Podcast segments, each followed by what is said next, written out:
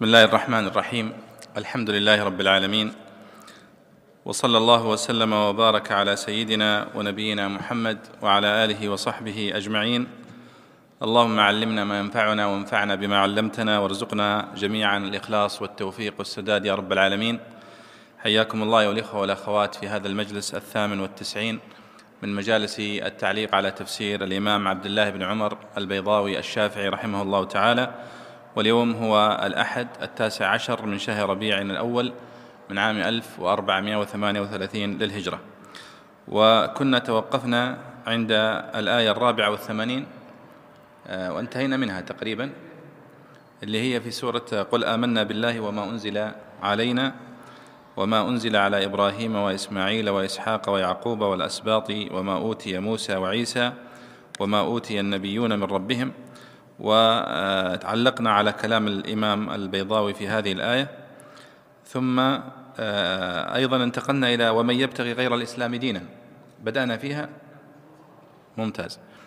آه، لكن أريد أن أعلق فيها تعليقا. ومن يبتغي غير الإسلام دينا فلن يقبل منه وهو في الآخرة من الخاسرين. تذكرون في الآيات السابقة كان آه، قال الله سبحانه وتعالى ما كان إبراهيم يهوديا ولا نصرانيا ولكن كان حنيفا مسلما. وقال البيضاوي أن المقصود بالإسلام هنا هو التوحيد وليس المقصود به الإسلام بمعناه الخاص الخاص بالنبي صلى الله عليه وسلم محمد صلى الله عليه وسلم لأنه يقع يعني يقع في عليه الاعتراض كما يقع على إذا كان إبراهيم ليس يهوديا ولا نصرانيا لأنه سبق اليهودية والنصرانية فكذلك ليس مسلما بالمعنى الخاص لأنه سبق محمد صلى الله عليه وسلم أيضا. لكنه مسلم باعتبار أن دين الأنبياء جميعا هو التوحيد. والدعوة إلى التوحيد والإسلام بمعناه العام. فكذلك هنا في قوله تعالى ومن يبتغي غير الإسلام دينا فلن يقبل منه. المقصود بها هنا الإسلام الخاص. بعد بعثة النبي صلى الله عليه وسلم فإنه لا يقبل إلا الإسلام. ولذلك قال البيضاوي هنا ومن يبتغي غير الإسلام دينا أي غير التوحيد والانقياد لحكم الله. ولو أضاف أن المقصود بالإسلام هنا هو معناه الخاص لكان جيدا. لأن الله قال فلن يقبل منه وهو في الآخرة من الخاسرين. فدل على أن المقصود بالإسلام هنا هو الإسلام الخاص وهو دين الذي جاء به محمد صلى الله عليه وسلم بشرائعه التفصيلية. ثم قال البيضاوي واستدل به على أن الإيمان هو الإسلام. إذ لو كان غيره لم يقبل. والجواب إنه ينفي قبول كل دين يغايره ولا قبول كل ما يغايره. ولعل الدين أيضا للأعمال. فهو يقصد هنا أن الإيمان أن الإسلام الذي في هذه الآية هو كأنه يريد أن يقول هذا المعنى الذي كنت أريد أن أقوله وهو أن المقصود بالإسلام هو الإسلام بمعناه الخاص. ويعني الإيمان والإسلام كما قلنا هي من العبارات التي آه، تدل كل واحدة منهما على معنى الأخرى إذا انفردت في دلالتهما في هذه السياقات. يعني إذا جاءت مع بعض نفرق بينها. اليوم نبدأ في آه، قول الله تعالى كيف يهدي الله قوما كفروا بعد إيمانهم وشهدوا أن الرسول حق تفضل يا أحمد. بسم الله الرحمن الرحيم. قال رحمه الله في قول الله عز وجل كيف يهدي الله قوما كفروا بعد إيمانهم وشهدوا أن الرسول حق وجاءهم البينات استبعاد لأن يهديهم الله فإن الحائد عن الحق بعدما وضح له منهمك في الضلال بعيد عن الرشاد وقيل نفي وإنكار له وذلك يقتضي ألا, ألا تقبل توبة المرتد. وشهدوا عطف على ما في إيمانهم من معنى الفعل ونظير ونظيره فأصدق وأكن. أو حال بإضمار قد من كفروا وهو على الوجهين دليل على أن الإقرار باللسان خارج عن حقيقة الإيمان. والله لا يهدي القوم الظالمين الذين ظلموا أنفسهم بالإخلال بالنظر ووضع الكفر موضع الإيمان فكيف من جاءه الحق وعرفه ثم أعرض عنه؟ نعم. يعني هذا سؤال استنكاري. يقول الله سبحانه وتعالى كيف يهدي الله قوما كفروا بعد إيمانهم؟ البيضاوي هنا قال كيف يهدي الله قوما كفروا بعد إيمانهم؟ وشهدوا أن الرسول حق وجاءهم البينات. قال استبعاد. واستبعاد لأن يهديهم الله. فإن الحائد عن الحق بعدما وضح له منهمك في الضلال بعيد عن الرشاد. وهذا هو المعنى الصحيح أن هذا الاستفهام هو إنكار. الحمد لله. هداكم الله وصلح فإن من معاني الاستفهام الاستنكاري الاستنكار والاستبعاد والتهكم أحيانا والسخرية والاستهزاء له معاني كثيرة بلاغية ومعناه هنا هو الاستبعاد أنه يستبعد أن يهدي الله قوما كفروا بعد معرفتهم للإيمان وبعد اطلاعهم على تفاصيله فدل على أن وقوعهم في الكفر عن عن علم وعن عمد. ولذلك لاحظوا في القرآن الكريم كثير ما يأتي ذكر الاختلاف وذكر للنزاع بعدما جاءهم العلم ثم يقول بغيا بينهم. فإن كثير من الضلال الذي وقع في الأمم هو لم يكن عن جهل وإنما كان عن علم وعن عناد وعن إصرار. وهذا غالبا أنه لا يعود. فإنه يعاقب كما قال الله آه، فلما زاغوا عن علم يعني فلما زاغوا أزاغ الله قلوبهم. فيكون هذا عقابا لهم. فيقول استبعاد لأن يهديهم الله فإن الحائد عن الحق بعدما وضح له منهمك في الضلال بعيد عن الرشاد. وقيل هذا القول الثاني. وقيل نفي وإنكار له. وذلك يقتضي ألا تقبل توبة المرتد. يعني المعنى الآخر كيف يهدي الله قوما كفروا بعد إيمانهم؟ أنه بمعنى النفي أن الله لا يهدي قوما كفروا بعد إيمانهم. وليس مجرد استبعاد وإنكار فقط وإنما أنه لا تقبل أنهم لا يقبل إيمانهم ولا ولا يهديهم الله. قال وذلك يقتضي ألا تقبل توبة المرتد. بمعنى أنه إذا كان الله سبحانه وتعالى نفى أنه يقبل توبة هؤلاء وأنه يقبل إيمانهم لأنهم يعني كان ضلالهم عن عمد وعن علم فإن هذا يقتضي أن المرتد لا تقبل توبته. لكن الصحيح أن المرتد تقبل توبته صح؟ وأن المشرك تقبل توبته. إذا وقعت توبته في وقت القبول قبل إما القبول علامات كما يقولون علامات قبول عدم قبول التوبة الخاصة بالشخص أو العامة. فالمرتد أو عفوا العلامات الخاصة هي أن أن لا يبلغ تبلغ روحه إلى الحلقوم. فإنها إذا وصل العبد أو المرء إلى مرحلة الغرغرة وأصبح يلفظ أنفاسه خلاص ما عادت تقبل توبته الشخصيا وإذا طلعت الشمس من مغربها وظهرت علامات الساعة الكبرى ما عادت تقبل التوبة من أحد. ولذلك عيسى عليه الصلاة والسلام في آخر الزمان لما ينزل ما يقبل الجزية ما يقبل إلا الإسلام. فهذا لأنها خلاص آه، كما يقيل وإن من أهل الكتاب إلا ليؤمنن به قبل موته. قيل في تفسيرها أن كل اليهود وكل المخالفين يؤمنون بعيسى في آخر الزمان لأنها تظهر علامات الساعة الكبرى. لكن هل يقبل منهم أو لا؟ قال البيضاوي وشهدوا عطف على ما في إيمانهم من معنى الفعل ونظيره فأصدق وأكن. ماذا يريد البيضاوي أن يقول؟ يقول أن الإيمان يريد أن يقول أن الإيمان هنا فيه عمل وقول. ونحن نرى يعني أهل السنة والجماعة يرون أن الإيمان قول وعمل واعتقاد صح؟ فهو ثلاثة لا بد منها. فالذي يقول بلسانه ولكنه يخالف بفعله أو لا يعمل شرائع الإسلام الظاهرة بفعله فإنه لا يقبل إيمانه فالذي لا يصلي ولا يصوم ويدعي أنه مؤمن إيمانه غير صحيح. والذي يعمل ولا يقول بلسانه ولا يعتقد بقلبه كذلك فهي قول باللسان وهي شهادة أن لا إله إلا الله وعمل بالأركان وعمل بمقتضاها من الأفعال وإقرار بالقلب واعتقاد بالقلب. ويزيد وينقص هذا الإيمان صح؟ يزيد بالطاعة وينقص بالمعصية. هذا هو الصحيح في في معتقد الإيمان وفي أركانه من خلال آيات القرآن الكريم كاملة ومن خلال أحاديث النبي صلى الله عليه وسلم. بعض العلماء وبعض الفرق التي خالفت في هذا ترى أن الإيمان يكفي فيه القول فقط. وبعضهم يرى أنه العمل لا يدخل في مسمى الإيمان وإنما يعتبر مكمل له. هنا الأشاعرة لهم قول في هذا يقول الشيخ هنا قال وشهدوا أن الرسول حق. كيف يهدي الله قوما كفروا بعد إيمانهم وشهدوا أن الرسول حق؟ فقال كفروا وشهدوا معناها أنها أمرين مختلفين. كفروا بأفعالهم وشهدوا بألسنتهم. فاذا معناها أن القول ليس داخلا في مسمى الإيمان. فيقول وشهدوا عطف على ما في إيمانهم من معنى الفعل. ونظيره فأصدق وأكن.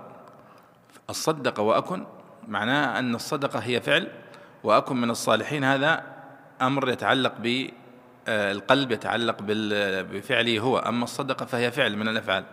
فلما تعطفها على بعض يدل على أنها مختلفة. لأن القاعدة التي تقول قواعد أن العطف يقتضي المغايرة صح؟ دخل محمد وعلي. فمعناه أن علي ومحمد مختلفان لأنهم معطوفان على بعض. قال أو حال بإضمار قد يعني كيف يهدي الله قوما قد كفروا بعد إيمانه وشهدوا. وقال وهو على الوجهين هذا شوفوا استنباط من البيضاوي وهو على الوجهين سواء قلنا أنها يعني معطوفة على فعل معطوفة على بعض أو أنها حال. دليل على أن الإقرار باللسان خارج عن حقيقة الإيمان. هو يبغى يقول الكلمة هذه يريد أن يصل إلى هذا الاستدلال أن النطق باللسان آه، خارج عن حقيقة الإيمان وأنه جزء خارجي عنه ليس داخلا في مسمى الإيمان. وهذا رأي الأشاعرة. أنهم يرون أنه يكفي حتى بعضهم يرى الاعتقاد فقط بالقلب وأنه يكفي. أما القول باللسان والعمل بالأركان فليست يعني داخلة في مسمى الإيمان. وهذه طبعا من القضايا العقدية الدقيقة التي يبحث كل فريق عن أدلة لها. فأهل السنة والجماعة مثلا يقولون الذين آمنوا وعملوا الصالحات يستدل بها الأشاعرة يقولون أنه ما دام عطف الإيمان على عمل الصالحات دل على أن العمل خارج عن مسمى الإيمان. وأهل السنة يقولون هذا دليل على أنها داخلة. كيف؟ قالوا لأن هذا من عطف الخاص على العام. فآمنوا وعملوا الصالحات آمنوا هذا العام. وعملوا الصالحات هو خاص داخل في مسمى الإيمان. ولكنه عطف العمل على الإيمان لأنه من أهم أركانه. كما عطف جبريل وميكال على الملائكة في قوله من كان عدوا لله وملائكته ورسله وجبريل وميكال فإن الله عدو للكافرين. طيب جبريل وميكال أليسوا من الملائكة؟ بلى. طيب ليش عطفهم طيب على الملائكة؟ من باب عطف الخاص على العام. وقس على ذلك. طيب قال الله سبحانه وتعالى والله لا يهدي القوم الظالمين الذين ظلموا أنفسهم. هنا هذا الاستدلال قول البيضاوي وهو على الوجهين دليل على أن الإقرار باللسان خارج عن حقيقة الإيمان. هذا الاستنباط هو استنباط عقدي وهو مبني على وجهين لغويين. الوجه الأول ما يقتضيه الظاهر من تغاير المعطوف والمعطوف عليه. والقول الثاني أو الوجه الثاني أن الحالية كيف يهدي الله قوما وقد كفروا. هذا حال. فالحالية تقتضي التقييد. ولو كان الإقرار داخلا في حقيقة الإيمان لخلا ذكر هذه القيد عن الفائدة. ما الفائدة؟ أن يقول آه، وقد قد كفروا بعد إيمانهم وشهدوا. طيب خلاص كفروا تكفي لماذا تذكر الشهادة تعطفها عليها؟ إلا دليل على أنها آه، مختلفة عنها. فيقول البيضاوي وهي على الحالتين سواء قلنا أنها حالية أو أنها جملة اسمية معطوفة فتدل على أن أن الإيمان أو الإقرار باللسان خارج عن حقيقة الإيمان. فالرازي هذا الكلام أيضا قاله الرازي وهو يعني يؤيد هذا يعني المذهب. فيقول الرازي فعطف الشهادة بأن الرسول حق على الإيمان والمعطوف مغاير للمعطوف عليه فيلزم أن الشهادة بأن الرسول حق مغاير للإيمان. وجوابه إن مذهبنا أن الإيمان هو التصديق بالقلب والشهادة هو الإقرار باللسان وهما متغايران. فصارت هذه الآية من هذا الوجه دالة على أن الإيمان مغاير للإقرار باللسان وأنه معنى قائم بالقلب. هذا كلام الرازي والرازي أشعري طبعا هو من أساس يعني من رؤوس الأشاعرة رحمه الله. قال الألوسي وعلى تقدير العطف على الإيمان استدل على أن الإقرار باللسان خارج عن حقيقة الإيمان. ووجه ذلك أن العطف يقتضي بظاهره المغايرة بين المعطوف والمعطوف عليه وأن الحالية تقتضي التقييد. التقييد. وإذا قلت بأنها لا تقتضي التقييد طيب وش الفائدة من ذكرها؟ فلا لا بد أنها لها, لها يعني لذكرها فائدة. ولو كان الإقرار داخلا في حقيقة الإيمان لخلا ذكره عن الفائدة عليكم السلام ورحمة الله. ولو كان عينه يلزم تقييد الشيء بنفسه ولا يخفى ما فيه. يعني هذا كلام الألوسي. وادعى بعضهم أن المراد من الإيمان الإيمان بالله ومن الشهادة المذكورة الإيمان برسوله صلى الله عليه وسلم. والأمر حينئذ واضح أنها مختلفة. طبعا هذا كلام الألوسي في كتابه روح المعاني. الخفاجي في حاشيته على البيضاوي خالف البيضاوي في هذا المنهج فقال رحمه الله أي نعم. قال وهو على الوجهين دليل أي على العطف المذكور والحالية ووجه الدلالة ما يقتضيه الظاهر من تغاير المعطوف على عليه وعلى الثاني خلو ذكره عن الفائدة. ولذا قيل يجوز أن يراد بالإيمان الإيمان بالله تعالى بقرينة ما بعده. مع أن الإقرار باللسان خارج عن حقيقة الإيمان المصطلح عند أهل الشرع وليس هذا مما يقبل النزاع. هذا البيضاوي آه الخفاجي. قال المهم يتحصل لنا يا شباب يتحصل لنا من من هذا النقاش أن استنباط البيضاوي على أن الإقرار باللسان خارج عن حقيقة الإيمان غير غير مسلم وفيه نظر وأن هذا من عطف الخاص على العام كما هو موجود في غيره من المواضع. فلا بد من قول باللسان وتصديق بالقلب وعمل بالجوارح وهو ما عليه أهل السنة في عقائدهم. لكن أحيانا عندما يستدل المستدل وهذه من الأخطاء في الاستدلال عندما يستدل المستدل بموضع واحد ويغفل بقية المواضع فهذا خلل في الاستدلال. حتى لو كان دليله المفرد دليل صحيح. أحيانا يكون الدليل نفسه آه، يستطيع أن يقنعك بأن هذا صحيح هذه الدلالة. في هذا الموضع لكن القرآن والسنة لابد أن تأخذها جملة. فتنظر في الأدلة وتنظر في القيود وتنظر في قد يكون هناك عندما تجد آية عامة مثلا فانتبه ولا تفرح بهذا العموم في هذا الموضع. فاذهب إلى المواضع الأخرى سوى مسح كامل. ستجد ربما مخصص. ولذلك العلماء دائما يحذرون في مبحث العام والخاص ويقولون أنه ما من عام إلا وقد خصص. قليل ما بقي على على عمومه حتى يكون المستدل على حذر. وكذلك في باب التقييد أيضا. طيب. ثم يقول الله والله لا يهدي القوم الظالمين. ولاحظوا أنه آه، يعني أسلوب لاحظ في القرآن الكريم كيف أنه يختم الآيات ويصف بأوصاف تبين العلل من الأحكام. لذلك باب التعليل باب عظيم في القرآن الكريم. فيه طمأنينة وفيه آه، يعني توجيه للقياس والتفقه لأنه عندما يقول الله سبحانه وتعالى مثلا والله لا يهدي القوم الظالمين. واضح إذن أن الظلم هو السبب. الظلم الذي وقعوا فيه هو سبب عدم هدايتهم. فكلما زاد الظلم زاد الانحراف. وكلما قل قل. وهكذا. وهذا شبه مضطرد في القرآن الكريم التعليل هذا. ولذلك حتى في باب الأحكام أحكام القرآن مثلا تجد أنه آه، يبين العلل ويشرح العلل. وهذا فيه تأديب للمفتي حتى المفتي وهو يفتي أن يفتي ويبين العلة للمستفتي. فلا يكتفي بقوله هذا حلال وهذا حرام. حتى يقول له هو حلال أو هو حرام بسبب كذا وبسبب كذا والشريعة جاءت بكذا فيطمئن. ولذلك لاحظوا في استعرضوا حتى في الأحكام الفقهية في القرآن الكريم تجد أن بعضها معلل تعليلات كثيرة. مثلا في الخمر.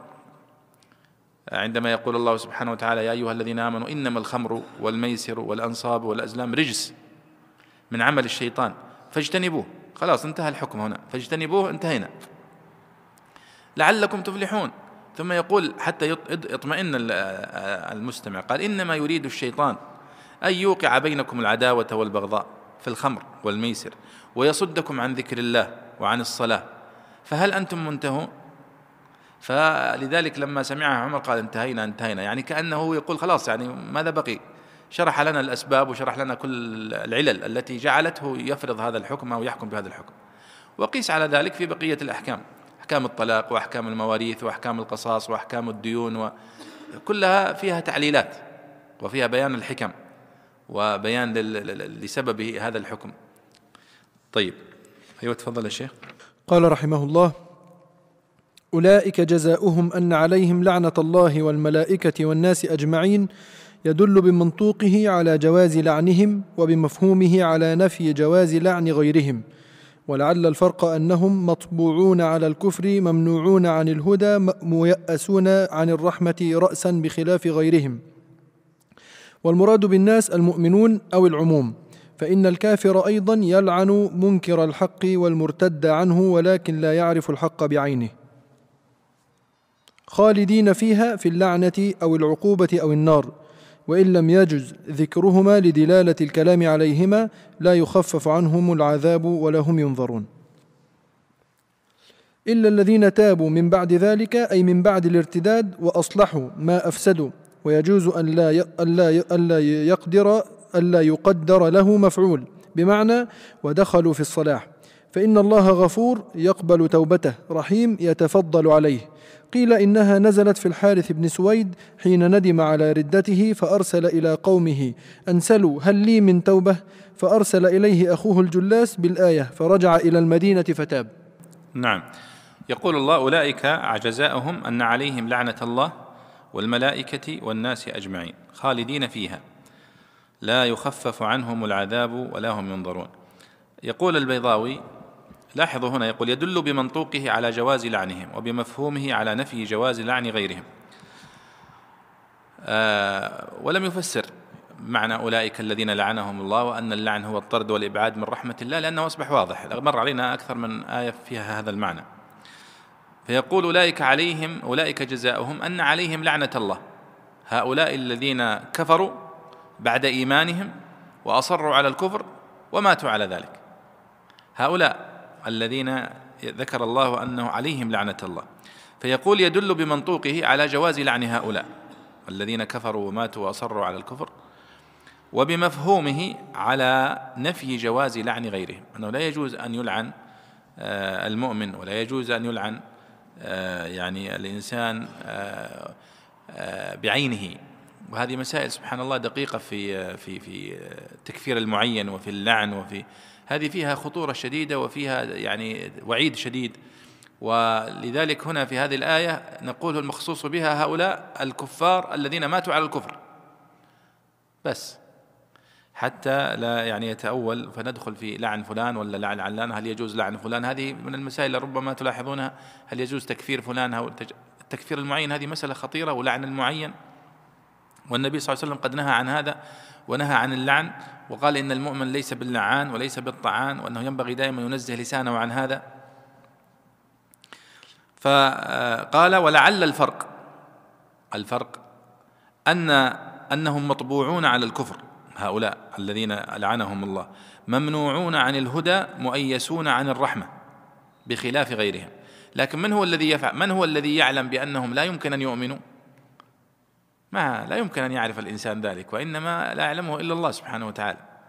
فاذا هذا خاص به سبحانه وتعالى هو الذي يلعن من يستحق اللعن. قال والمراد بالناس هنا المؤمنون. أولئك عليهم لعنة الله والملائكة والناس. الناس هنا يعني ولعنة الناس المؤمنين أو أن المقصود بها العموم. المؤمنين وغير المؤمنين أنهم يلعنون هؤلاء الكافرين. فيقول أو العموم. فإن الكافر أيضا يلعن منكر الحق والمرتد عنه ولكن لا يعرف الحق بعينه. يعني حتى يقول حتى الكافر هو يلعن من لا يست لا يتبع الحق لكن هو من وجهة نظره أن الحق هو ما هو عليه ليس ما هو عليه المخالف. فيقول هو حتى هو يلعن الكافر والمرتد فحتى لعنته تقع على من يستحقها. لكنها ربما تقع عليه.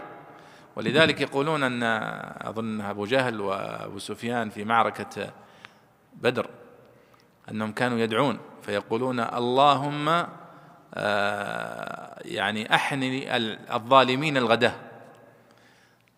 يعني كانوا يدعون ويقولون اللهم يعني آه، اقتل الظالم في معركة بدر. فاستجاب الله لهم وقتل أبو جهل وقتل.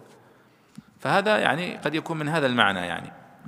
قال خالدين فيها هل المقصود خالدين في اللعنة؟ أولئك عليهم لعنة الله والملائكة والناس أجمعين. خالدين فيها؟ نعم.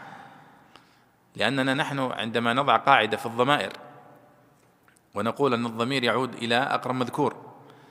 لأن هنا ما جاء هنا ذكر لجهنم صح؟ قد يقول قائل هو المقصود بها خالدين في عذاب جهنم جزاء لكفرهم الذي استحقوا عليه اللعنة. فنقول صحيح. فعلا هو هذا الواقع. لكن نحن عندما نريد أن نعيدها لللفظ الذي في الآية نقول هي المقصود بها اللعنة. خالدين في اللعنة وفي جزاء هذه اللعنة وهو العذاب. فيقول هنا خالدين فيها في اللعنة أو العقوبة أو النار. وهذه ثلاثة احتمالات. وهي متلازمة ترى. وإن لم يجز ذكرهما لدلالة الكلام عليهما. وهذا صحيح. وهذا ترى بالمناسبة يلخص لك البيضاوي ترى يعني ربما صفحة ونص. موجودة في كلام المفسرين في عودة الضمير على كل آه، يعني آه، معنى من هذه المعاني. قال إلا الذين تابوا من بعد ذلك وأصلحوا فإن الله غفور رحيم. أي إلا الذين تابوا من بعد هذه الردة ومن بعد هذا الكفر. فهذا يرد فهم الذي قبل قليل أنه لا تقبل توبة المرتد صح؟ لا تقبل. قال إلا الذين تابوا وأصلحوا فهذا هؤلاء تقبل توبتهم. وقال وأصلحوا ما أفسدوا. ويجوز الا يقدر له مفعول بمعنى ودخلوا في الصلاح. يعني يريد أن يقول البيضاوي وأصلحوا هنا هل هو متعدي ولا لازم؟ فيقول أنه يحتمل المعنيين. يمكن أنه متعدي يعني وأصلحوا ما أفسدوا يكون متعدي أو وأصلحوا يعني بمعنى صلحوا هم ودخلوا في الصلاح. فهذا من الأفعال التي يعني تأتي لازمة وتأتي متعدية. نعم. قيل إنها نزلت في الحارث بن سويد حين ندم على ردته فأرسل إلى قومه أن سلوا هل لي من توبة؟ فأرسل إليه أخوه الجلاس بالآية. فرجع إلى المدينة فتاب. وهذا يعني سبب صحيح يعني ورد في كتب التفسير وفي غيره. نعم. قال رحمه الله إن الذين كفروا بعد إيمانهم ثم ازدادوا كفرا كاليهود كفروا بعيسى والإنجيل بعد الإيمان بموسى والتوراة. ثم ازدادوا كفرا بمحمد صلى الله عليه وسلم والقرآن أو كفروا بمحمد صلى الله عليه وسلم بعدما آمنوا به قبل مبعثه ثم ازدادوا كفرا بالإصرار والعناد والطعن فيه والصد عن الإيمان ونقض الميثاق أو كقوم ارتد أو كقوم ارتدوا ولحقوا بمكة ثم ازدادوا كفرا بقولهم نتربص بمحمد ريب المنون أو نرجع إليه وننافقه بإظهاره. لن تقبل توبتهم لأنهم لا يتوبون أو لا يتوبون إلا إذا أشرفوا على الهلاك. فكنا عن عدم توبتهم بعدم قبولها تغليظا في شأنهم وإبرازا لحالهم في صورة حال الآيسين من الرحمة. أو لأن توبتهم لا تكون إلا نفاقا لارتدادهم وزيادة كفرهم. ولذلك لم تدخل الفاء فيه. وأولئك, وأولئك هم الضالون الثابتون على الضلال. نعم يعني الله سبحانه وتعالى يقول هنا إن الذين كفروا ثم ازدادوا كفرا لن تقبل توبتهم. ليس معنى هذه الآية أنه لو لو تاب قبل يعني أن يغرغر وأنه لن تقبل توبته. لا تقبل. لكن كما ذكر هنا أنها وردت هذه الآية في في موضع الوعيد الشديد والتحذير الشديد من جهة. فذكر الاحتمالات. فقال هنا إن الذين كفروا بعد إيمانهم ثم ازدادوا كفرا. كاليهود الذين كفروا بعيسى وبما جاء به. ثم لما جاء محمد صلى الله عليه وسلم كفروا به أيضا.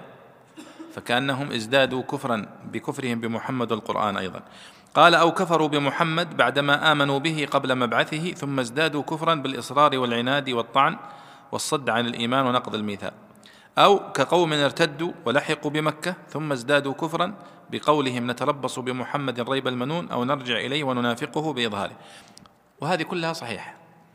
وأن المقصود هو من آمن ثم كفر على علم ثم ازداد كفرا وعنادا ومحاربة للإسلام. فالله سبحانه وتعالى يعني آه، يعني جاءت هذه الآية في شأنه من باب الوعيد الشديد والتهديد الشديد لهذا الصنف من الناس الذي لا يزيد إلا عنادا وإصرارا وتكفيرا وكفرا. قال لن تقبل توبتهم قال لأنهم لا يتوبون. ولكن هذا يرجع لعلم الله سبحانه وتعالى. قال لأن في الغالب هؤلاء لا يتوبون أو لا يتوبون إلا إذا أشرفوا على الهلاك فكنا عن عدم توبتهم بعدم قبولها تغليظا في شأنهم وإبرازا لحالهم في صورة حال الآيسين من الرحمة. لأن نحن عندنا قاعدة أن الذي يتوب قبل أن تغرغر روحه في حلقه نقبل توبته. كان مشركا كان كافر كان عالم كان جاهل ايا كان. يعني وهذا من سعة رحمة الله سبحانه وتعالى أنه يقبل توبته. فكل الآيات التي ظاهرها يخالف هذا المعنى ينظر في سياقها وتفسر بما يلائم سياقها. فلا يمكن أنك تفسر آية من الآيات فتقول أن معناها أن الله لا يقبل توبة التائب. أبدا. لأن هذا إغلاق الأدلة المتكاثرة في القرآن وفي السنة تدل على أن باب التوبة مفتوح ولذلك تعرفون قصة الرجل اللي من بني إسرائيل الذي قتل 99 صح؟ كانت تدور حول فكرة التوبة صح؟ فلما ذهب إلى الرجل استشاره آه، وهو عابد ما عنده علم لكنه استكثر هذا العدد 99 هذا مجرم هذا صح؟ أنت الآن لو جاك واحد وقال قال أنا قتلت واحد ثم قتلت واحد ثاني ثم قتلت ثلاثة بتطرده على طول صح؟ وتغلق عليه باب التوبة من رقم ثلاثة. فهذا يعني كثر خيره 99 يعني فقال من هذا؟ أنت سفاك دم ليس لك توبة. شوف سبحان الله يعني الجرأة هذه. 99 يعني يعتبر عدد كبير صراحة. وبعدين ماخذهم هو واحد واحد يعني ما كان يقتلهم بتفجير ولا واحد واحد. فقال له آسف. فقتله. مئة صار عنده الآن. كمل مئة فلما ذهب لرجل عالم عاقل ويعرف يعني أن باب التوبة هذا لا يغلق. هذا أمر بيد الله سبحانه وتعالى. الأنبياء عليهم الصلاة والسلام ليس من صلاحياتهم حتى أنهم يغلقون أبواب التوبة على الناس. فقال ومن يحول بينك وبين التوبة؟ شفت العلم؟ بالله سبحانه وتعالى ماذا يصنع؟ ولكن البيئة اللي أنت فيها بيئة فاسدة. فدله. فاختصمت ملائكة لما قبض اختصمت ملائكة الرحمة وملائكة العذاب. في شخص سفاك دم. لكن انظر إلى رحمة الله ما أوسعها. ولذلك في مثل هذه الآيات لا يمكن أن تقول أن الله لا يقبل توبة التائب. إذا تاب. لأنه مثلا كان عالم ثم ازداد ثم ألف كتاب ثم روج وعنده موقع مليء بالإلحاد تقول لا توبة غير مقبولة. هذا يعني جرأة عظيمة على الله سبحانه وتعالى. هذا التوبة بيد الله سبحانه يقبل من يشاء ويرفض من يشاء. فهنا في هذه الآية عندما يقول إن الذين كفروا ثم ازدادوا كفرا لن تقبل توبتهم. لن تقبل توبتهم إذا وقعت في غير وقتها. أما إذا وقعت في وقتها فتقبل. لأن معظم مجمل الآيات التي تدل على قبول التوبة والأحاديث تدل على أنها تقبل. إلا إذا غرغرت روحه صح. إذا طلعت الشمس من مغربها صح. لكنها وردت هذه الآية في مورد الوعيد الشديد لمن وقع منه هذا الكفر وهذا الإصرار عليه وهذا العناد بعد العلم وبعد المعرفة بالله وما يجب لله سبحانه وتعالى. فقال هنا لن تقبل توبتهم لأنهم لا يتوبون أو لا يتوبون إلا إذا أشرفوا على الهلاك. فكنا عن عدم توبتهم بعدم قبولها تغليظا في شأنهم وابرازا في لحالهم في صورة حال الآيسين من الرحمة. أو لأن توبتهم لا تكون إلا نفاقا لارتدادهم إلى آخره. قال ولذلك لم تدخل الفاء في الجواب. يعني لم يقل الله إن الذين كفروا ثم ازدادوا كفرا فلن تقبل توبتهم. في مواضع في القرآن من فيها فاء. هنا لم لم تذكر الفاء. قال وأولئك هم الضالون الثابتون على الضلال. نعم. قال رحمه الله إن الذين كفروا وماتوا وهم كفار فلن يقبل من أحدهم ملء الأرض ذهبا. لما كان الموت على الكفر سببا لامتناع قبول الفدية أدخل الفاء ها هنا للإشعار به وملء الشيء ما يملأه. وذهبا نصب على التمييز وقرئ بالرفع على البدل من ملء أو الخبر لمحذوف. ولو افتدى به محمول على المعنى كأنه قيل فلن يقبل من أحدهم فدية ولو افتدى بملء الأرض ذهبا. أو معطوف على مضمر تقديره فلن يقبل من أحدهم ملء الأرض ذهبا ولو تقرب به في الدنيا ولو افتدى به من العذاب في الآخرة. أو المراد ولو افتدى بمثله قوله تعالى إن الذين كفروا لو أن لهم ما في الأرض جميعا ومثله. والمثل يحذف ويراد كثيرا. لأن المثلين في حكم شيء واحد. أولئك لهم عذاب أليم مبالغة في التحذير وإقناط لأن من لا يقبل منه الفداء ربما يعفى عنه تكرما. وما لهم من ناصرين في دفع العذاب ومن مزيدة للاستغراق. نعم. أيضا لاحظوا هنا قال إن الذين كفروا وماتوا وهم كفار. هذه واضحة صح؟ أما هؤلاء فالأمر فيهم واضح. فقال إن الذين كفروا وماتوا وهم كفار. هذا القيد مهم جدا أن يموت على الكفر. فهذا لا شك أنه لن تقبل توبته وأنه لا يدخل الجنة أبدا. فقال لما كان الموت على الكفر سببا لامتناع قبول الفدية أدخل الفاء ها هنا. فقال هنا فلن يقبل من أحدهم. والمقصود بالفدية هنا هو أن يفتدي المرء نفسه. مثل الأسير الذي يفتدي نفسه. فيقول أنا أدفع مئة ألف وتطلقون سراحي. فيوم القيامة الله سبحانه وتعالى ذكر آه، أنه آه، لن يقبل يوم القيامة فدية ولا عدل ولا شفاعة صح؟ ليس لا يمكن أن وهذا الأشياء التي الاحتمالات العقلية التي ترد في كيفية إمكان الإنسان التخلص يوم القيامة. ما فيه لا يمكن أنك تدفع مال مقابل يعني أنك تخرج ولا يمكن أنه يقبل شفاعة أحد فيك ولا يؤخذ منها عدل. والعدل هو الفدية. كأنه يعني مثل عدل البعير يعني شيء مقابل هذا الشيء. يعني أدفع مبلغ مقابل أني أخرج. فكأن الطرفين العدل البعير مت مت مت يعني متساويان. فيقول هنا وملء الشيء ما يملأه. وقوله فلن يقبل منه ملء الأرض ذهبا ولو افتدى به. ملء الأرض ذهبا. وش إعراب ذهبا يا شباب؟ ملء الأرض ذهبا. ملء الأرض عسلا آه، فضة. هذا يسمونها إيش؟ تمييز في النحو. إنه يعرب تمييز. ريالا درهما. فيقول هنا وذهبا نصب على التمييز. وقرئ بالرفع. يعني فلن يقبل منهم ملء الأرض ذهب. على البدلية يعني. لن يقبل منه ملء الأرض. فكأن احدا قال ملء الأرض فتقول ذهب. آه قال ولو افتدى به يعني محمول على المعنى كأنه قيل فلن يقبل من أحدهم فدية. ولو افتدى بملء الأرض ذهبا. أو معطوف على مضمر تقديره فلن يقبل من أحدهم. ملء الأرض ذهبا ولو تقرب به في الدنيا ولو افتدى به نفسه في الآخرة. أو المراد ولو افتدى بمثله. لو كان عنده ملء الأرض ذهبا ثم جاء يوم القيامة فأراد أن يفتدي نفسه بملء الأرض ذهبا التي كان يملكها في الدنيا فلن تنفعه. ففي هذه إشارة إلى أنه رجل كان ثري جدا ويظن في الآخرة أنه ممكن تنفعه. وهذه سبحان الله المعاني العظيمة يا شباب التي دائما تؤكد في القرآن الكريم في أكثر من موضع أن الأمر بعد الموت مختلف وأن مواقف القيامة والحساب فيها مختلف وأن الوزن مختلف. فلا تفكر بنفس عقليتك وأنت في الدنيا. المال الذي في يدك في الدنيا لا ينفعك في هذا المواطن. ولذلك لاحظ هنا كيف أن الله سبحانه وتعالى يحاسب في الآخرة على الخردل الصح ويقول وإن كان مثقال حبة من خردل أتينا بها. ويقول هنا أنه لا لن يقبل منك يوم القيامة ملء الأرض ذهبا.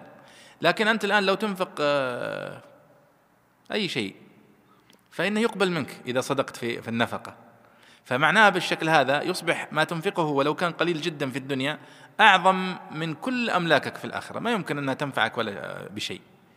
وهذه فلسفة عجيبة الذي يعني يقتنع ويعتقد هذه العقيدة العظيمة فإنه لا يدخر شيء لذلك أن ما تنفع. هذاك يوم حساب ليس يوم عمل.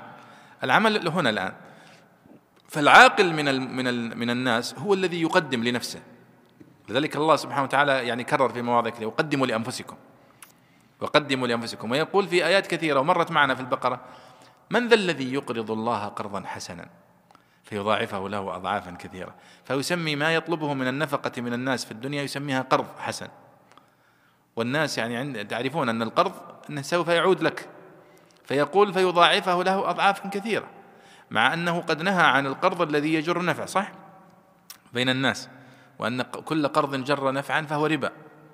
لكنه يقول لا أنا عن أنا أريد قرض وسأعيده أضعاف مضاعفة فانظر كيف يتعامل الله مع الناس بعقليتهم التي يتعاملون بها في الدنيا.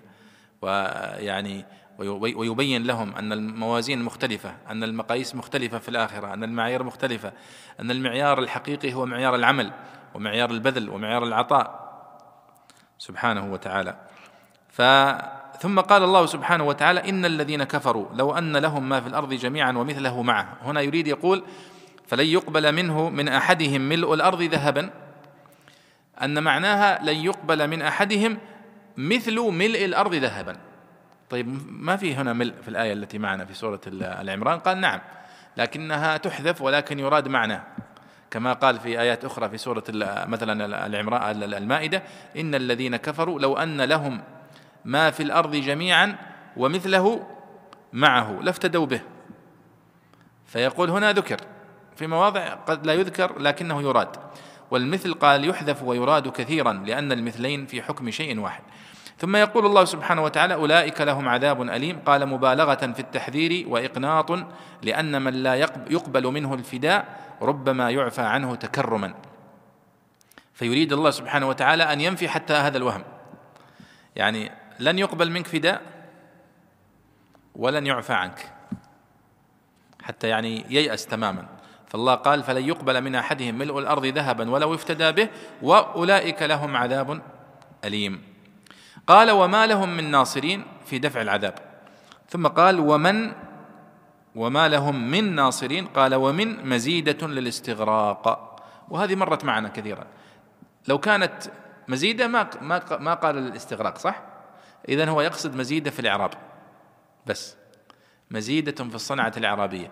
وأنا أستغرب سبحان الله لكن هي المصطلحات جاءت هكذا. لماذا عبر النحويون بهذا الكلمة في المصطلح؟ لو انتبهوا لهذا الملحظ ما استخدموا هذه الكلمة. لكنهم استخدموها يعني استخداما إعرابيا وانتشرت. ولذلك بعض المصطلحات يكتب لها القبول والانتشار. فلا, فلا تملك إلا أن تستعملها. مثل مصطلح المعجزة. صح؟ مصطلح المعجزة ما هو موجود في القرآن ولا في السنة.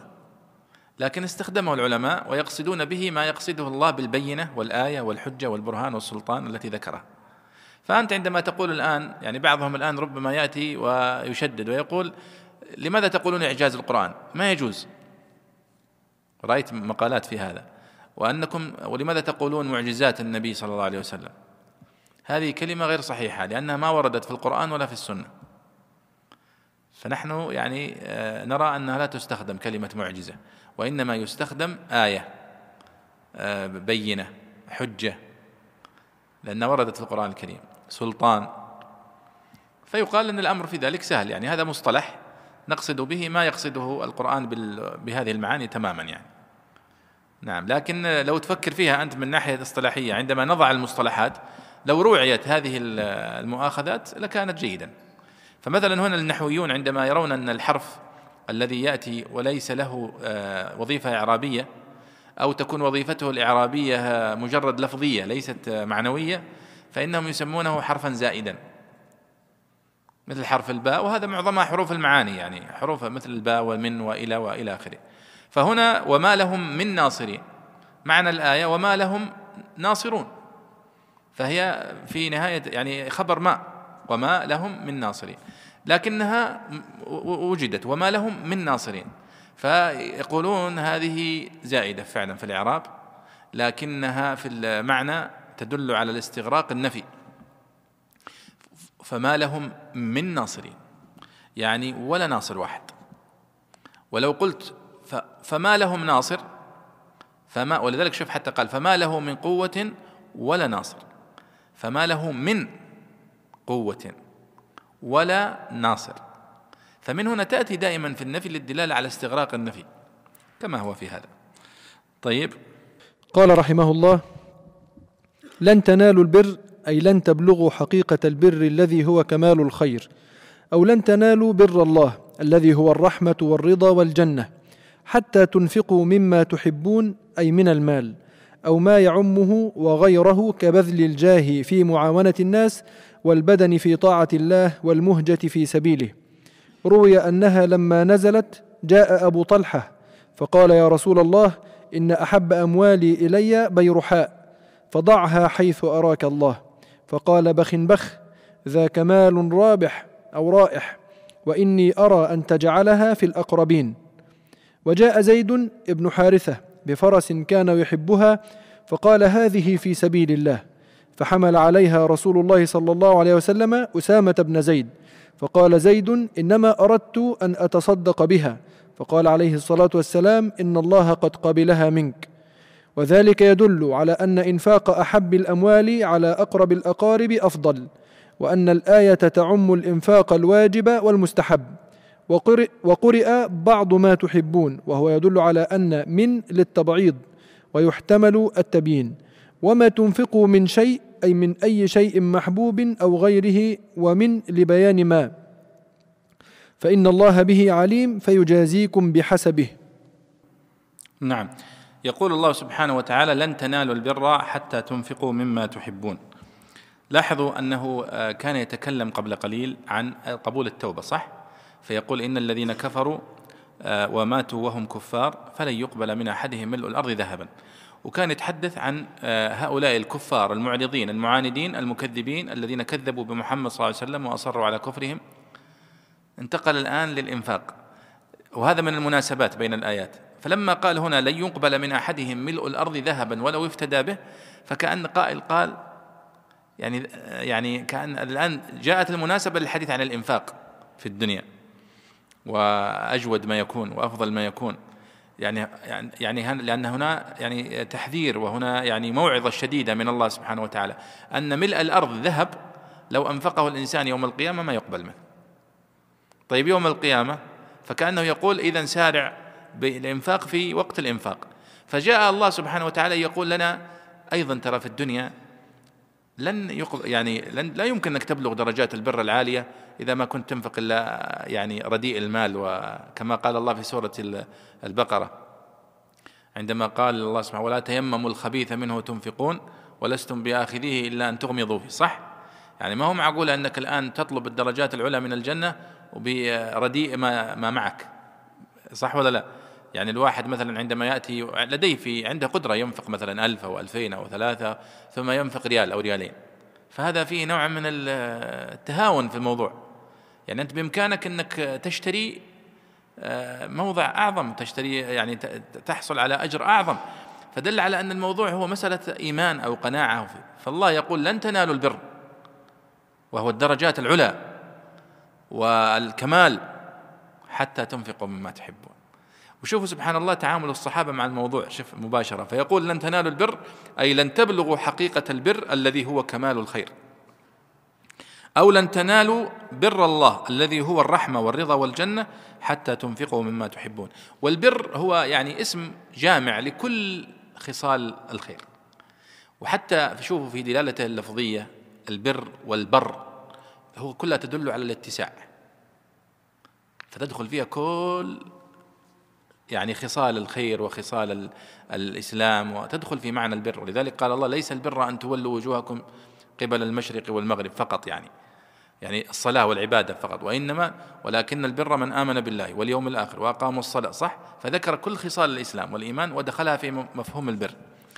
قال حتى تنفقوا مما تحبون من المال. ولاحظ هنا حتى تنفقوا مما تحبون هذه يدخل فيها. قد يكون بعضنا يحب المال وقد يكون بعضنا يحب مثلا السلاح وقد يكون بعضنا يحب المهم أنه يدخل فيها أكثر من مجرد المال يعني. قال أو ما يعمه وغيره كبذل الجاه في معاونة الناس أحيانا يكون إنفاق الإنسان من جاهه أثمن من ماله مع أنه ما ما يخسر ولا ريال واحد فيبخل بجاهه هذا بخل صح ولا لا؟ ولذلك يقول ما أدري هل هو المتنبي أو غيره يقول وإذا امرؤ أهدى إليك صنيعة من جاهه فكأنها من ماله صح؟ فلا بد أنها تقدر أيضا صنايع الناس بجاههم وب يعني يعني شفاعاتهم. قال روي أنها لما نزلت جاء أبو طلحة فقال يا رسول الله شوفوا هذا مباشرة في التعامل مع الآية.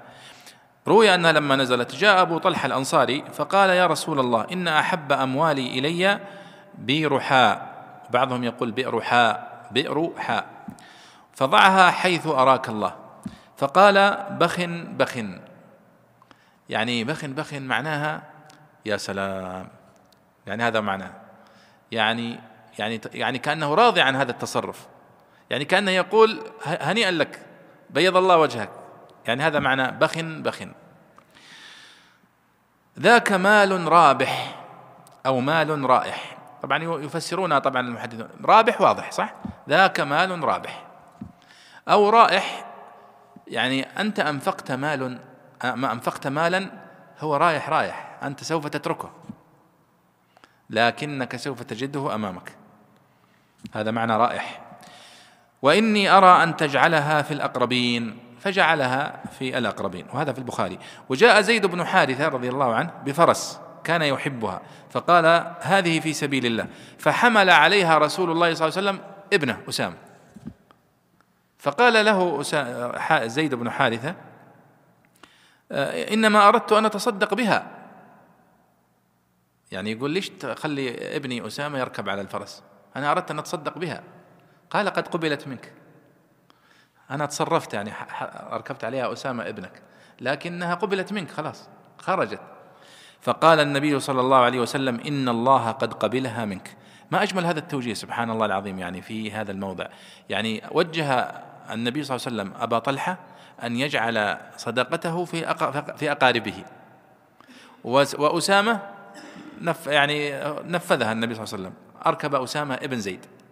فأسامة يعني زيد بن حارثة قال أنا أريد أتصدق بها. يعني شعر أنه ما تقبلها عندما أركب عليها ابنه. فقال قد قبلت منك. وذلك يدل على أن إنفاق أحب الأموال على أقرب الأقارب أفضل. وأن الآية تعم الإنفاق الواجب والمستحب. جميل. شوفوا أنا يعني البيضاوي أجاد هنا. أول شيء في توظيف الأحاديث والأمر الثاني في الاستنباط. وأن الآيات القرآنية لابد أن تفهم في ضوء السنة النبوية. وفي ضوء فهم النبي صلى الله عليه وسلم أيضا. وفي ضوء يا شباب أيضا نقطة مهمة جدا لابد أننا نعيها في في التفسير. أن فعل النبي صلى الله عليه وسلم ولو لم يتكلم هو تفسير لكثير من آيات القرآن الكريم. ولذلك مفهوم التفسير النبوي أوسع من مجرد الموجود في أقوال النبي صلى الله عليه وسلم. وإنما يشمل أفعاله أيضا وهذه مهمة. ولا أعرف فيها تفسير ولا أعرف فيها بحثا هذه. لا أعرف فيها التفسير بأفعال النبي صلى الله عليه وسلم للقرآن الكريم.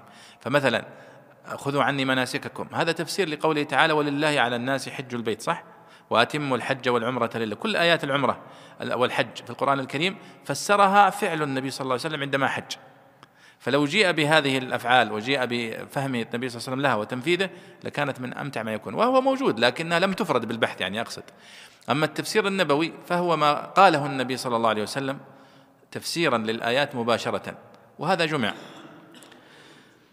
قال وقرئ بعض ما تحبون يعني حتى تنفقوا بعضا مما تحبون. وهذا في القراءة الشاذة ويعني يغلب على ظن أن من قراءة ابن مسعود. وهو يدل على أن من للتبعيض حتى تنفقوا من ما. فمن هنا تدل على التبعيض. وهو في القرآن الكريم وفي السنة النبوية أن الأمر بالإنفاق يا شباب هو أمر بالإنفاق مما مما صح؟ ومما رزقناهم ينفقون. مدحهم بذلك.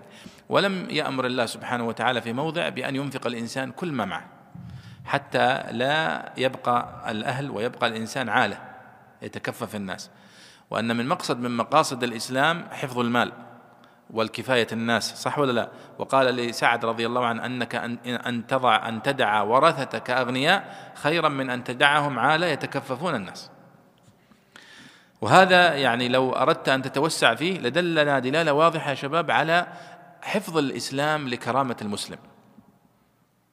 وحرصه الشديد على حفظ كرامة المسلم. ويعني المحافظة على نفسه من أن تذل بطلب من الآخرين. قال ويحتمل التبيين أن من هنا للتبيين وليست للتبعيض. فقوله لن تنالوا البر حتى تنفقوا مما تحبون للبيان وليست للتبعيض. لكن الصحيح أنها للتبعيض. آه وما تنفقوا من شيء فإن الله به عليم أي من أي شيء محبوب أو غيره ومن للبيان هنا وما تنفق من شيء. وهو دل يدل على أن الله سبحانه وتعالى يتقبل منك أي شيء تنفقه. أنفق. ولا تخشى من ذي العرش إقلالا. آيات الإنفاق يا شباب في القرآن الكريم فيها معنى جميل وهو البذل والعطاء وأن السعادة وأن المؤمن كلما ازداد معنى الإيمان في قلبه كلما ازداد بذله وعطاءه. ولذلك يعني الجود والكرم هو علامة من علامات الإيمان. ولذلك النبي صلى الله عليه وسلم قد قال من كان يؤمن بالله واليوم الآخر فليكرم ضيفه. وهذا من معاني البذل صح؟ من معاني العطاء. والبخل بخلاف ذلك. والبخل بخلاف ذلك وأنه من علامات ضعف الإيمان. ولذلك قال الله سبحانه وتعالى الشيطان يعدكم الفقر ويأمركم بالفحشاء يعني بالبخل. بإجماع المفسرين ويأمركم بالفحشاء هنا أن المقصود بها البخل. ومن ذلك قول طرفة أرى الموت يعتام الكرام ويصطفي عقيلة مال الفاحش المتشدد. الفاحش عن البخيل. لكن لأن البخل من أقبح الصفات فهو فاحش. والفاحشة هي الإثم الكبير والإثم العظيم المنتشر. قال وما تنفق من شيء فإن الله به عليم فيجازيكم بحسبه. أيوة تفضل. قال رحمه الله بالمناسبة يا شباب هذه الآية يعني آه، من الآيات الموزونة على أوزان الشعر. لن تنالوا البر حتى تنفقوا مما تحبون. فاعلات فاعلات فاعلات فاعلات. لكنها غير مقصودة بمعنى أن أنها لم تأتي على هذا الوزن قصدا. ولذلك هم يقولون أن الشعر هو قول موزون مقفا مقصود. أن يكون مقصود. هذا طبعا حتى تنفي عن القرآن الشعر وتنفي عن النبي صلى الله عليه وسلم عندما قال أنا النبي لا كذب أنا ابن عبد المطلب. آه، أن هذا على وزن الشعر. لكن النبي هو شاعر؟ وما علمناه الشعر وما ينبغي له. طيب هذا أصلا لو قال بيتا تمثل به أو أو قاله فلتك كذا فهو ليس بشاعر عليه الصلاة والسلام. ولذلك لما آه، قال بيتا من الشعر أظن اللبيد بن ربيعة. قال ألا كل شيء ما خلا الله باطل وكل نعيم لا محالة زائل وكل أناس سوف تدخل بينهم دويهية تصفر منها الأنامل. فأراد أن يقول البيت الأول عليه الصلاة والسلام فكسر البيت أو أو حرف البيت. فقال أبو بكر صدق الله وما علمناه الشعر وما ينبغي له. فهو في النبي صلى الله عليه وسلم فضيلة وإن كانت زوجته عائشة رضي الله عنها من أحفظ العرب للشعر وأبو بكر أيضا كذلك. لكن على السريع يعني هذه الآية هي على وزن الشعر. لن تنالوا البر حتى تنفقوا مما تحبون. جاءت على نفس الوزن. ومثلها أيضا آه، في سورة في آية الدين في قوله سبحانه وتعالى يا أيها الذين آمنوا إذا تداينتم بدين إلى أجل مسمى فاكتبوه. فنظمها أحد الشعراء فيقول آه، أنلني بالذي استقرضت خطا وأشهد معشرا قد شاهدوه فإن الله خلاق البرايا عنت لجلال هيبته الوجوه. يقول إذا تداينتم بدين إلى أجل مسمى فاكتبوه. فجاءت على وزن الشعر. في في كتب كثيرة. فيها الاقتباس للثعالبي وحكمه في القرآن الكريم وهذا يسمونه الاقتباس. يعني أن يأتي الإنسان بآيات قرآنية في داخل شعره هل أو في نثره حتى. هل هذا يجوز أو لا يجوز؟ فيها نقاش يعني. وذكرت فيها الآيات التي أيوه أيوه جمعوها في هذا الموضع. في شرح ألفية البلاغة للسيوطي جمع في عند هذا المعنى الاقتباس عندما قال والاقتباس آه قلت والاقتباس يعني ذكر معنى الاقتباس ثم ذكر أحكامه فقال قلت وأما حكمه في الشرع فمالك مشدد في المنع وليس فيه عندنا صراحة لكن يحيى النووي اباحه آه، إلى آخره. فذكر يعني اول شيء ما هي الآيات التي وافقت يعني يمكن جاءت على الوزن مثل هذا؟ واظن فيها أكثر في أربع آيات أو خمس تقريبا جاءت على مثل هذه الأوزان لكنها جاءت من غير قصد يعني فلا تعتبر يعني ندخلها في الشعر. طيب لعل نسمع الأذان. ثم نقرأ كل الطعام كان حلا لبني إسرائيل. علشان ما ينقطع الكلام ها؟ والاقتباس شوفوا هذه فائدة فيه فيه أمرين في الأدب أو في ال في ال فيه واحد يسم أمر يسمونه الاقتباس ويسمون الآخر التضمين. فالاقتباس هو أن يكون من القرآن فقط.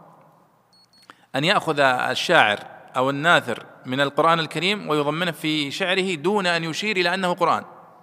ولذلك اللي قبل شوية اللي يقول فإن الله خلاق البرايا عنت لجلال هيبته الوجوه يقول ما صار اقتباس. لا لكن عندما تقول إنا إلى الله راجعون في قصيدة هذا اقتباس. لأنك ما ما قلت أنه قرآن وهو قرآن. وسمي اقتباسا لماذا؟ لأنه كأنه وسط كلامك كلام البشر. كلام الله وسط كلام البشر كأنه قبس مضيء. أما إذا أجيت أنا وأخذت من كلام ماجد مثلا أو من كلام منصور هذا يسمى إيش؟ تضمين. تضمين عادي.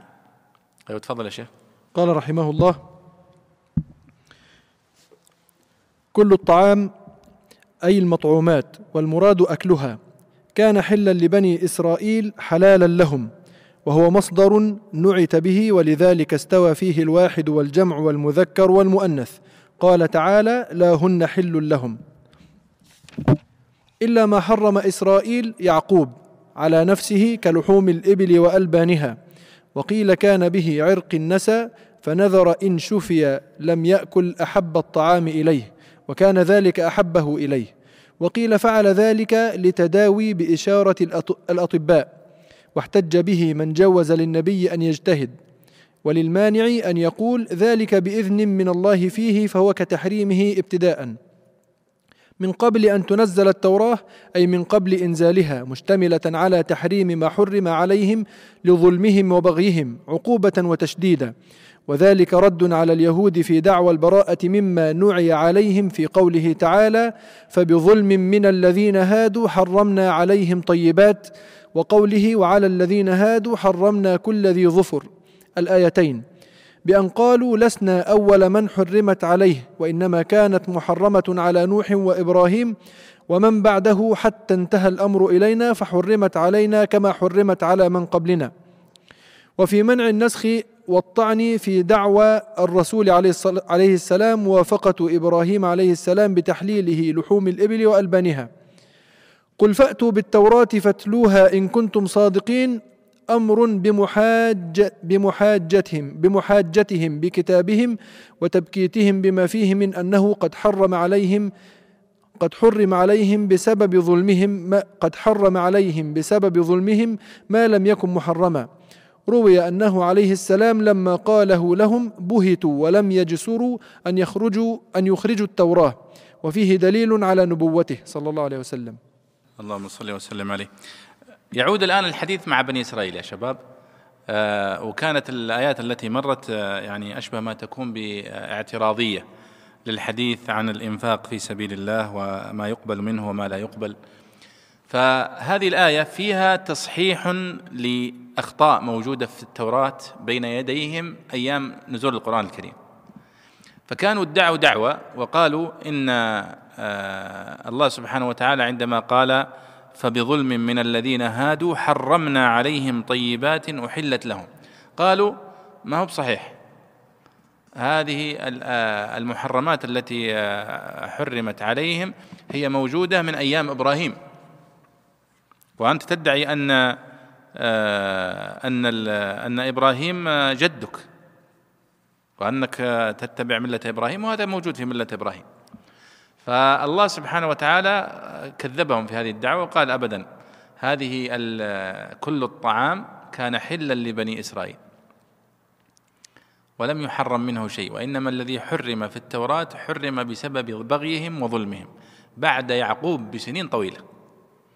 ولذلك قال كل الطعام كان حلا لبني إسرائيل إلا ما حرم إسرائيل على نفسه من قبل أن تنزل التوراة. فإسرائيل اللي هو يعقوب عليه الصلاة والسلام امتنع هو امتنع هو لسبب خاص سبب صحي يذكره يعني المؤرخون أنه مرض عليه الصلاة والسلام يعقوب وكان به أظنه عرق النسى أو شيء. فيعني نصح بأن يمتنع عن أكل لحوم الإبل. فتركها لهذا السبب. فأخذها أبناؤه كأنها سنة وأصبحوا لا يأكلون هذا النوع من الطعام اتباعا ليعقوب مع أنه لم لم يفعله على أنه آه، يعني آه، تشريع تشريع نعم. ولاحظ هنا شوف القرآن الكريم كيف يصحح هذه التواريخ يصحح هذه الحقائق يذكر لك يعني وهذا شيء طبعا والنبي صلى الله عليه وسلم أمي لا يقرأ ولا يكتب ولذلك بهتوا لما لما رد عليهم هذا الرد. يقول الله سبحانه وتعالى في هذه الآية يقول كل الطعام يعني الذي يؤكل يعني. المطعومات والمراد أكلها. كان حلا لبني إسرائيل أي حلالا لهم وهو مصدر نعت به يعني الحل.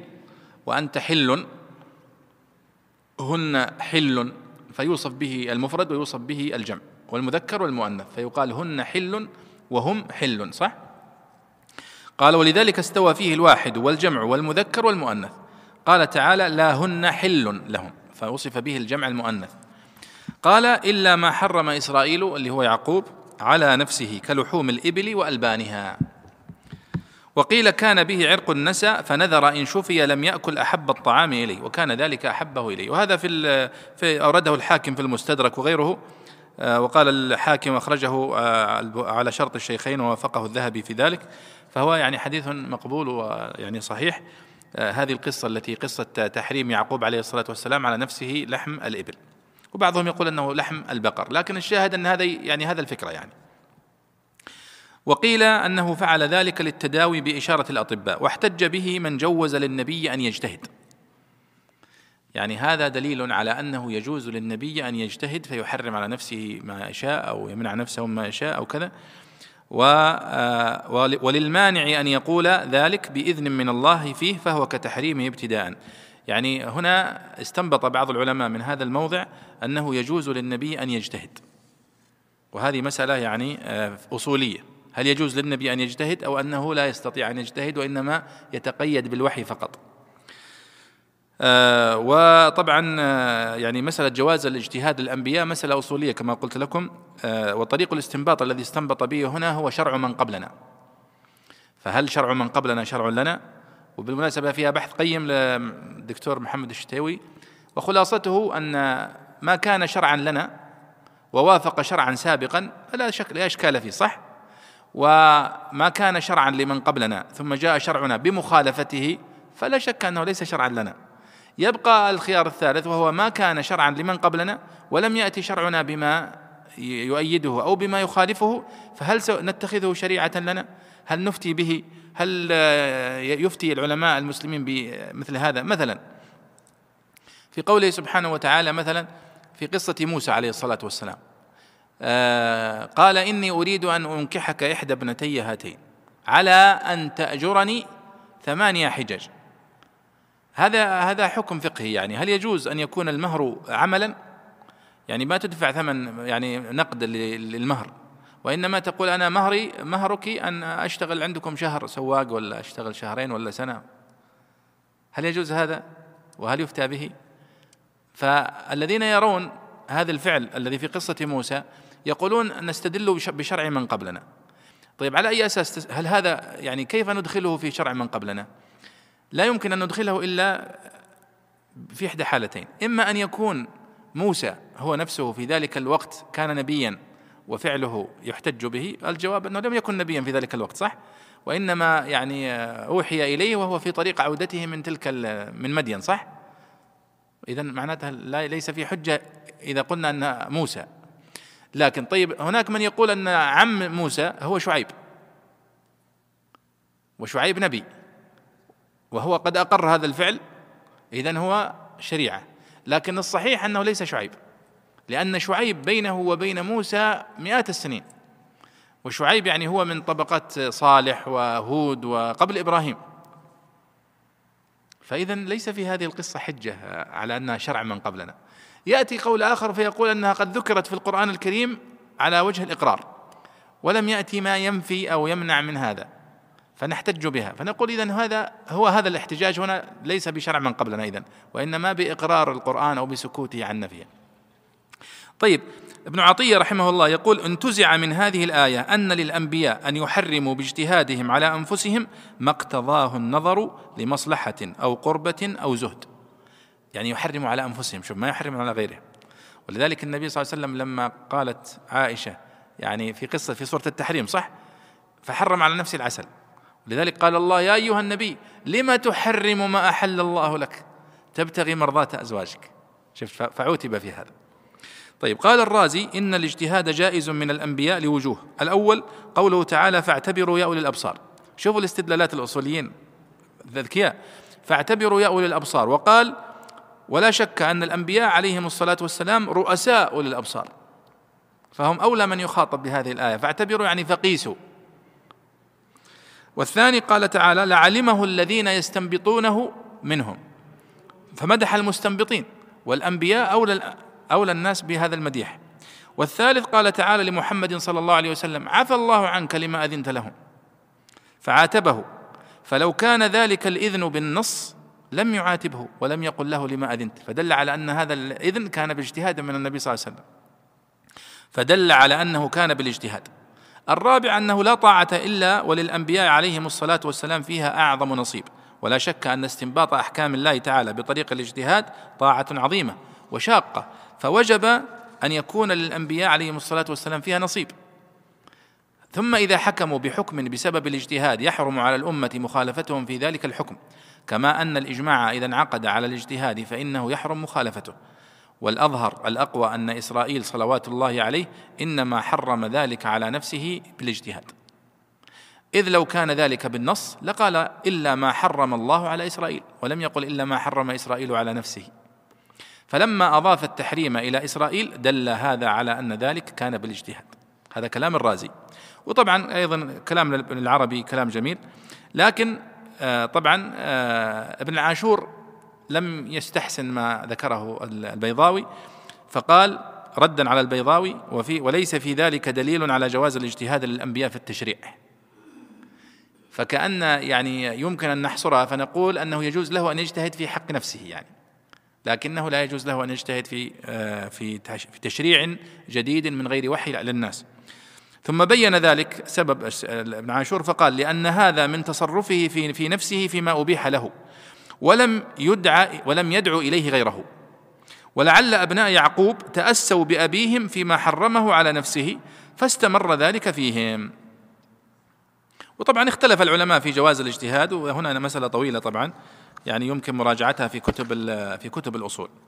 لكن البيضاوي أشار إليها إشارة سريعة هنا والبيضاوي كما قلت لكم هو أصولي له كتاب مشهور جدا جدا في الأصول اسمه المنهاج في الأصول. دارت عليه يعني الشروح والحواشي والتعليقات. ففي تفسيره هنا له استنباطات جميلة أصولية كثيرة. والاستنباطات الأصولية هي الاستخراج الأدلة من القرآن الكريم التي تؤيد القواعد الأصولية مثل قاعدة اجتهاد الأنبياء اجتهاد الاجتهاد فيما ليس فيه نص شرع من قبلنا هل هو حجة لنا الأمر هل هو للوجوب النهي هل هو للتحريم ونحو ذلك.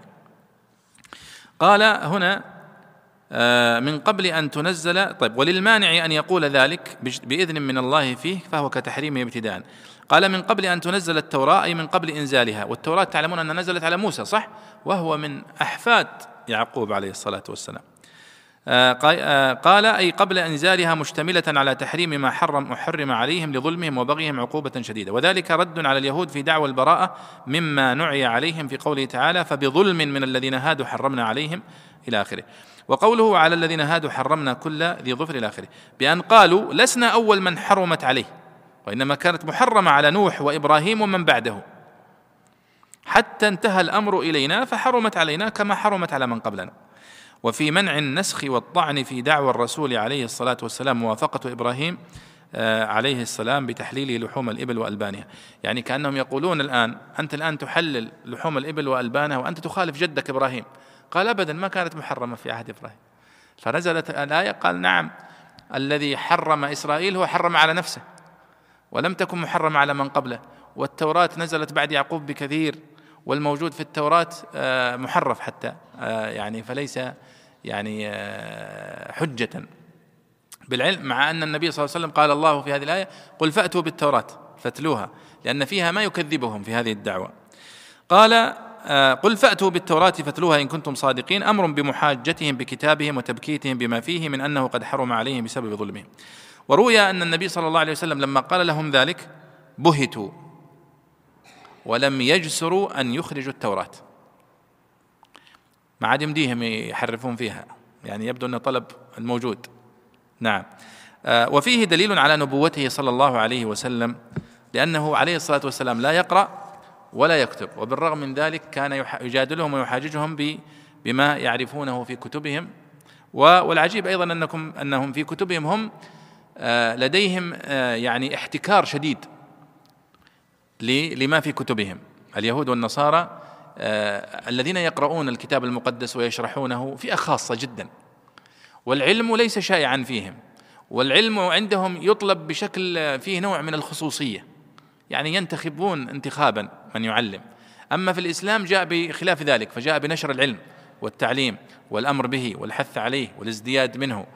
وهذا فرق. بين الصواب وبين الخطأ لأن الصواب والثقة الموجودة في ديننا وفي عقيدتنا وفي قواعدنا وفي شريعتنا متوافقة مع العقل متوافقة مع التاريخ ليس عندنا ما نخفيه. ولذلك جاء العلم يعني ليح يعني يؤكد هذه الحقيقة لأن الدين الذي يأمر بالعلم ويحث عليه ويعتبره جزءا من الدين ويعني يتقرب به إلى الله ويعطى طالب العلم ما لا يعطى غيره من الثواب ومن الأجر. دليل على أن هذا دين حق. ولذلك ينبغي أن تدرج هذه في في أدلة صدق هذا الدين وهو دعوته إلى العلم. وأن الدعوة إلى العلم من دلائل صدق هذا الدين وقوته ومتانته. نأخذ بعض الأسئلة من الزملاء. يقول أحسن الله إليك من قال في قوله تعالى كيف يهدي الله قوما كفروا بعد إيمانهم وشهدوا أن الرسول حق من قالوا أنه نفي وإنكار. وذلك يقتضي أن لا تقبل توبة المرتد. ماذا يقولون في الآيات التي جاءت بعد ذلك؟ وهي قوله تعالى إلا الذين تابوا من بعد ذلك. حيث أنها تدل على أن توبة المرتد جائزة وتقبل. صحيح فعلا. وهذا يعني الخطأ في الاستدلال يبين أحيانا في الآية التي بعدها. ولذلك آه، لا لا يملكون في الآيات التي بعدها إلا الموافقة لأنها ظاهرة في الدلالة على قبول توبة المرتد. لكن دائما الاستدلال الخاطئ إذا وضع في نصابه انكشف فيه الصواب والخطأ. آه، في موضوع الإنفاق قال الله مما تحبون. أي بعض وأن الله يأمر بإخراج بعض مالك. السؤال ورد أن أبا بكر رضي الله عنه أنفق كل ماله كيف يكون ذلك؟ صحيح. فعلا أن الذي أمر به والسنة وأن ينفق الإنسان من بعض ماله ويترك آه، البقية له. لكن من كان يعني أنفق كل ماله. لا شك أن هذا لكمال إيمانه وأنه قد يوقع في حرج الذين بعده. لكن الله سبحانه وتعالى كريم. فهذا يمدح به الأفراد لا شك لكنه لا يدعى إليه على العموم. فلا يقال أن من السنة أن يدفع مال الإنسان كله. يقول هنا ما حكم لعن الشيطان والجمادات? والله الذي طبعا لا لا تستطيع أن تقول أن لعن الشيطان لا يجوز. لأنه ورد آه، لعنه لكن نقول أنه آه، لا لا يفضل أن يكون اللعن يجري على لسان الإنسان. والنبي صلى الله عليه وسلم قال أن المؤمن ليس بلعان فلا فليعف لسانه حتى من الشيطان. وإنما ورد الاستعاذة من الشيطان هو السنة. آه، والجمادات من باب أولى. الجمادات من باب أولى. كيف يوفق الإنسان للبر في الإنفاق؟ هذا لا شك أنه من تحري العمل بالقرآن ومقاومة ومجاهدة النفس لأن الإنفاق يعارض شهوات النفس والشيطان له مداخل كثيرة على الإنسان. فيأتي الإنسان على حتى المنفق يأتيه بطرق ملتوية. ولذلك صنف ابن الجوزي كتابا رائعا جدا سماه تلبيس إبليس. فيعني يكشف فيه مداخل الشيطان على الإنسان وأن فيه من الدهاء ما يجعل يفسد على الإنسان عمله على العابد عمله على المنفق إنفاقه. فليحذر الإنسان. ولكن يعني كما قال الله سبحانه وتعالى هنا لن تنالوا البر حتى تنفقوا مما تحبون. وقال في الآيات التي في سورة البقرة وهي الآيات الطويلة التي مرت معنا في الإنفاق وفي آدابه وقال إن تبدوا الصدقات فنعم ما هي. وإن تخفوها وتؤتوها الفقراء فهو خير لكم. فإذا أنفقت مما تحب سرا فقد يعني أتيت بي بغاية المنى كما يقال. يقول السؤال ما هو ما هي الأعمال الصالحة؟ يقولون بعضهم أنها الأعمال التي تنفع الغير وليست لصاحبها مثل إنشاء المدارس وتعليم العلم. فأما الصلاة والزكاة والحج والصوم فهذه كلها مطلوبة من المؤمن ومفروضة عليه ولا تدخل في الأعمال الصالحة. فما هي حقيقة العمل الصالح؟ آه العمل العمل الصالح يدخل فيه أعمال الجوارح الصلاة والزكاة والحج والصيام وبعضها قاصر على الإنسان وبعضها مثل الزكاة متعدية فيها نفع للآخرين. والصيام قاصر على البدن صح؟ عبادة بدنية. والزكاة عبادة مالية. والصلاة عبادة بدنية صح؟ وقاصرة على الإنسان. لكنها كلها تدخل في الأعمال الصالح. ويدخل أيضا في مفهوم العمل الصالح أعمال الجوارح أعمال القلوب كاليقين والتوكل والإنابة وكل أعمال القلوب تدخل في مفهوم العمل الصالح أيضا.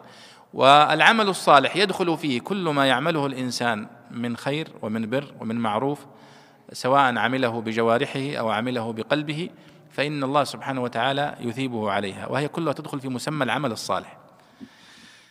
آه، وفيه كتاب قيم جدا بعنوان الشخصية المسلمة للأستاذ الدكتور ماجد عرسان الكيلاني. قال الشخصية المسلمة والمسلم الصالح. وتكلم عن المقصود بالمسلم الصالح. ما المقصود بالمسلم الصالح؟ ما, ما معنى أن يكون المسلم صالحا؟ ذكر فيه آه، مقومات الشخصية المسلمة ومعنى العمل الصالح والإنسان الصالح. وفرق بينه وبين ما يسمونه اليوم المواطن الصالح. وكيف أن وصف الإنسان للصالح وصف القرآن للصالح وصف أدق وأعم من وصفهم هذا. فيعني قراءة الكتاب آه، جيدة. ما الفرق في المعنى بين جاءهم البينات وجاءتهم البينات؟ إن وجد الفرق. أحسنت بقولك إن وجد الفرق. آه، الفرق بينها يعني طبعا من ناحية لغوية ليس هناك فرق لأن المؤنث المؤنث المجازي يجوز تذكيره وتأنيثه. فتقول مثلا طلع الشمس وطلعت الشمس وطلع القمر وطلعت القمر. ها؟ نعم. آه، وقال نسوة. فالشاهد أن المؤنث المجازي يجوز أن يأتي التعبير عنه بصيغة المذكر ويجوز أن يأتي التعبير عنه بصيغة المؤنث. وجاءهم البينات تذكير نعم للفعل. وجاءتهم البينات تأنيث للفعل. لكن أنا أجزم أن هناك فرق دلالي في استخدام التعبيرين لكنني لا أعرفه حقيقة. لكنني ولا أدري هل هناك تفريق أيضا. هل هناك من فرق بينهم؟ الله أعلم. ولعلنا نكتفي بهذا. وصلى الله وسلم على سيدنا ونبينا محمد وعلى آله وصحبه أجمعين.